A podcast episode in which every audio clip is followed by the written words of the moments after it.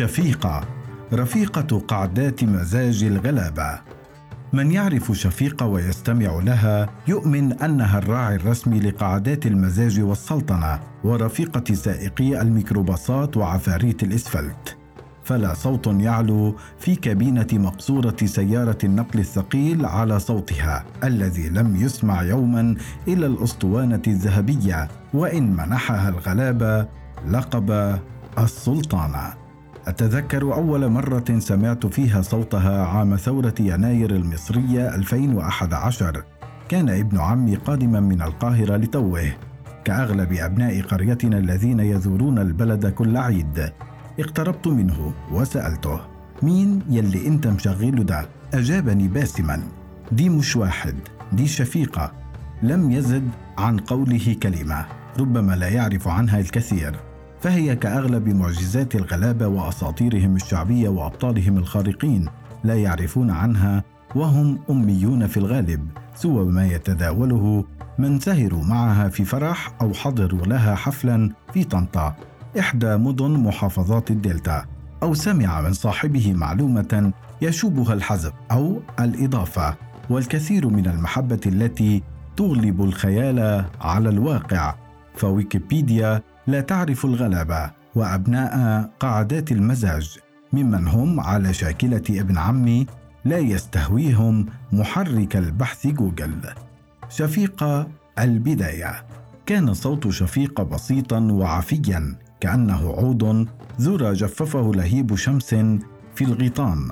في أصالته يشبه باب الكاسات المكسور والحصيرة الخشنة المفروشة تحتنا. البهجة والشجن يدخلان ليصنعا صوتا مميزا ليس كمثله صوت إلا نكت الغلابة التي تضحكهم على حالهم فعلى شجنه يحمل من البهجة قدر ما ينسيك حزنك وأنت تفكر في حب ضائع.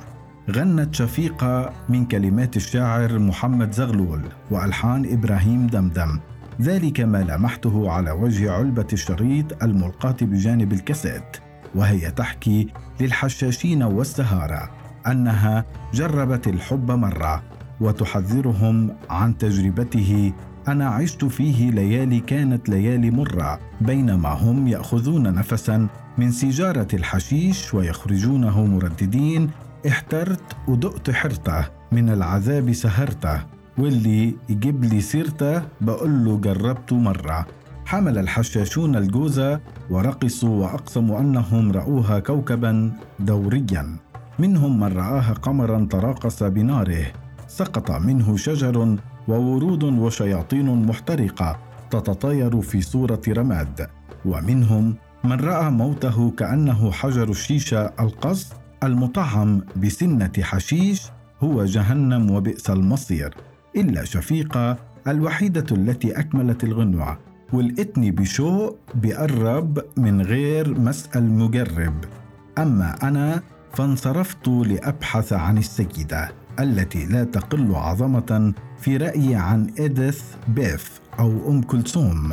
وإن كان هذا الكلام سيغضب الأستاذ حلمي بكر لأنه سيرى في مقارنة شفيقة بأم كلثوم شيئا من المبالغة فبالتأكيد سيغضب ابن عمي أيضا لأنها مقارنة تنقص من قدر السلطانة في رأي أصدقائه. رجعت لابن عمي بعد أكثر من ساعة. كان قد بدل وجه الشريط. استقبلتني شفيقة بواحدة من أشهر أغانيها راجع تاني وإن كان رجوعي لا شاكيا ولا باكيا. بل لأحكي لهم ما عرفته عن السيدة. التي سحرتني من أول غنوة فكانت أول كلمة نطقت بها للحاضرين من طنطا وأبوها كان بيلعب أوكارديون. انتبه الجالسون لكلامي.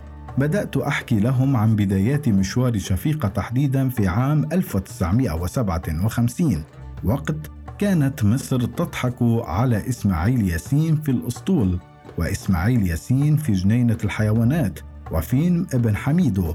وكان الغلابة يحلمون أن يكبر ابنهم ليتزوج من ابنة الباشا كما أحبها وتزوجها علي ابن الجنايني في رد قلبي بينما الوسط الثقافي يشهد إصدار الثلاثية وقصر الشوق لكاتبنا العالمي نجيب محفوظ واللتين شكلتا جزءا مهما في مشروعه الروائي الذي انتهى به إلى نوبل.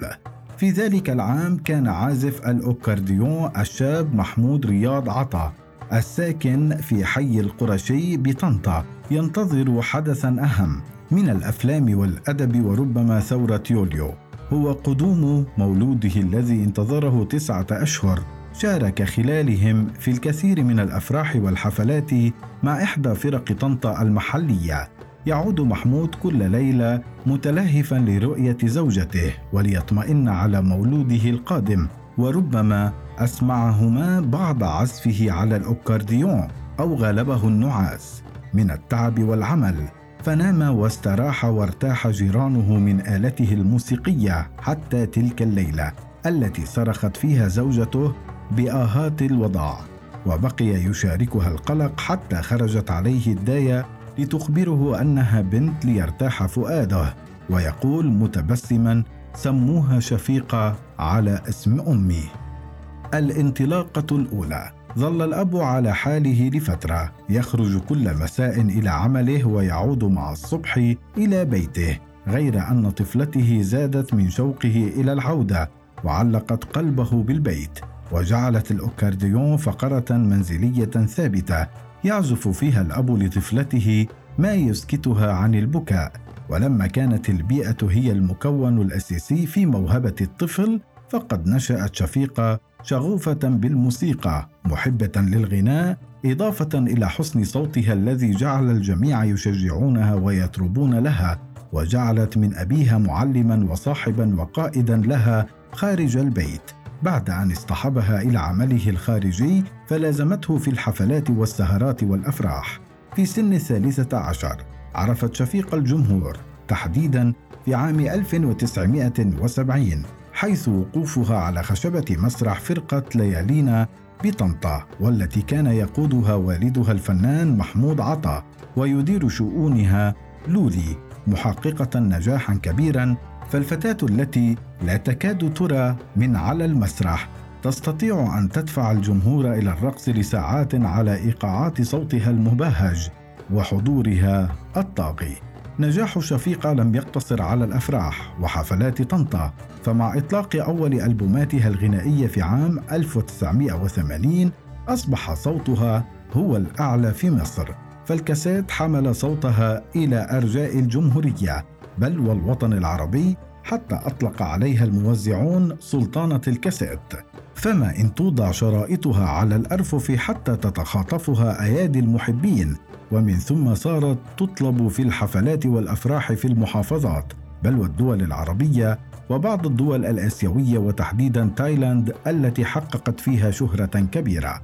في التسعينيات أنتج لها أحمد فخري صاحب شركة الغربية للصوتيات مجموعة من شرائط الكاسيت كانت وقتها في أوج شهرتها وكان الجميع يتلهفون لسماع صوتها حتى أنها كانت تقيم حوالي سبعة وثمانية حفلات نمر في اليوم الواحد وكانت تتقاضى عشرة ألاف جنيه عن كل نمرة وقد وصل صافي دخلها اليومي إلى أربعين ألف جنيه.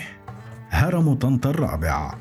أكيد بعدها سافرت وسابت طنطا.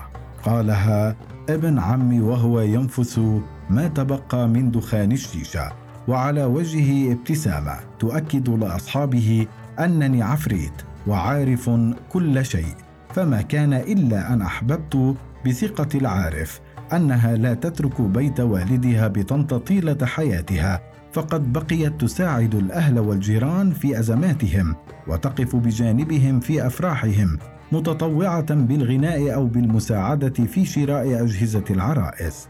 كذلك لم تنس فضل من ساعدوها ووقفوا بجانبها في بدايتها فهي أحد مؤسسي نقابه المهن الموسيقية في طنطا وإن كانت رفضت تولي أي منصب. فذلك رغبة في أن تظل مخلصة لمشروعها الغنائي ذلك الإخلاص الذي جعلها تستحق لقب هرم طنطا الرابع الإفلاس. ظلت شفيقة متربعة على عرش الكاسات لسنوات تحديدا حتى عام 2004 حين قررت أن تخوض تجربة الإنتاج بنفسها ويبدو أن الفنانة لم تكن على دراية بأحوال السوق. بقدر معرفتها بالغناء فسوق الكاسات آنذاك كان قد انهار تماما. ما عرضها لخسارة كبيرة جعلتها تفكر أن أحوال الفن غير مضمونة فما تكسبه اليوم باليمين تضعه بالشمال ومن ثم لم تجد مفرا من الاعتزال. والتفكير في مجال آخر تستثمر فيه أموالها فاقترح عليها أولاد الحلال أن تفتح مطعم سمك في الإسكندرية وهو المشروع الذي لم تختلف عواقبه كثيرا عن تفكيرها في الإنتاج الفني. ثلاث سنوات قضتهم بعيدا عن الغناء خسرت خلالهم الكثير من المال فالجماهير التي أحبت شفيقة واشترت شرائط أغانيها لم تقدم على مطعمها بنفس الحفاوة ولا أعرف إن كان السبب هو عدم إتقانها صنعة السمك. وإدارة المحل ام لصعوبه منافسة غيرها من المطاعم في المدينة الساحلية لكن الأكيد أنها غريبة عن الكار لذلك كان منطقيا أن تعود إلى الغناء مرة أخرى في عام 2007 وإن كانت عودة بسيطة اقتصرت على أحياء الأفراح والحفلات داخل مدينة الإسكندرية. سبب آخر كان وراء ضياع أموالها واحتياجها لمساعدة من حولها في آخر حياتها. هو زوجها من شقيق. صاحب مطعم كباب شهير في الإسكندرية وقد كان هذا الشخص يشتري بأموالها اراض ويتوسع في محلاته وقد حكى بعض من عرفوها أنها لم ترزق بأطفال رغم زواجها أكثر من مرة. كان ابن عمي وأصدقاؤه وصلوا إلى درجة من الانتباه لكلامي وجعلتهم ينسون شرب الشيشة حتى انطفا حجرهم ولم يبقى منه سوى الرماد وبقايا معسل أكلته الولعة. لذلك أثرت أن أكمل كلامي وصولا إلى البداية النهاية. في حياه شفيقه بعد عودتها من الاعتزال ظلت تغني ثلاثة أعوام أخر تحديدا حتى عام 2010 حين داهمها المرض قاصدا قلبها الذي لم يعرف غير الحب لأهلها وجيرانها وللفن وناسه فأصيبت بجلطة في القلب. نقلت إثرها إلى المستشفى وبقيت في العناية المركزة لفترة كبيرة لكن حالتها كانت في تراجع يومي إلى أن رحلت عن عالمنا في أيار مايو 2011 سكت الجميع للحظة وخيم الحزن علينا كأن شفيقة لم تمت منذ سنوات بل وقت علمتهم بوفاتها. ربما كان أحدهم يعتقد أنها تعيش في مدينتها وأن صدفة ستجود عليهم ويلتقون بها في فرح أو حفلة لكنني قتلت هذا الأمل دون قصد وبينما نحن على حالنا وصوتها يتردد في الكاسات. داريت دموعي ما بين رموشي وعيني تبكي ولا بنموشي مش بإيدي عاشق يا سيدي والفرقة واخدة مني الأحبة. قال ابن عمي لحظة بقى نغير الحجر.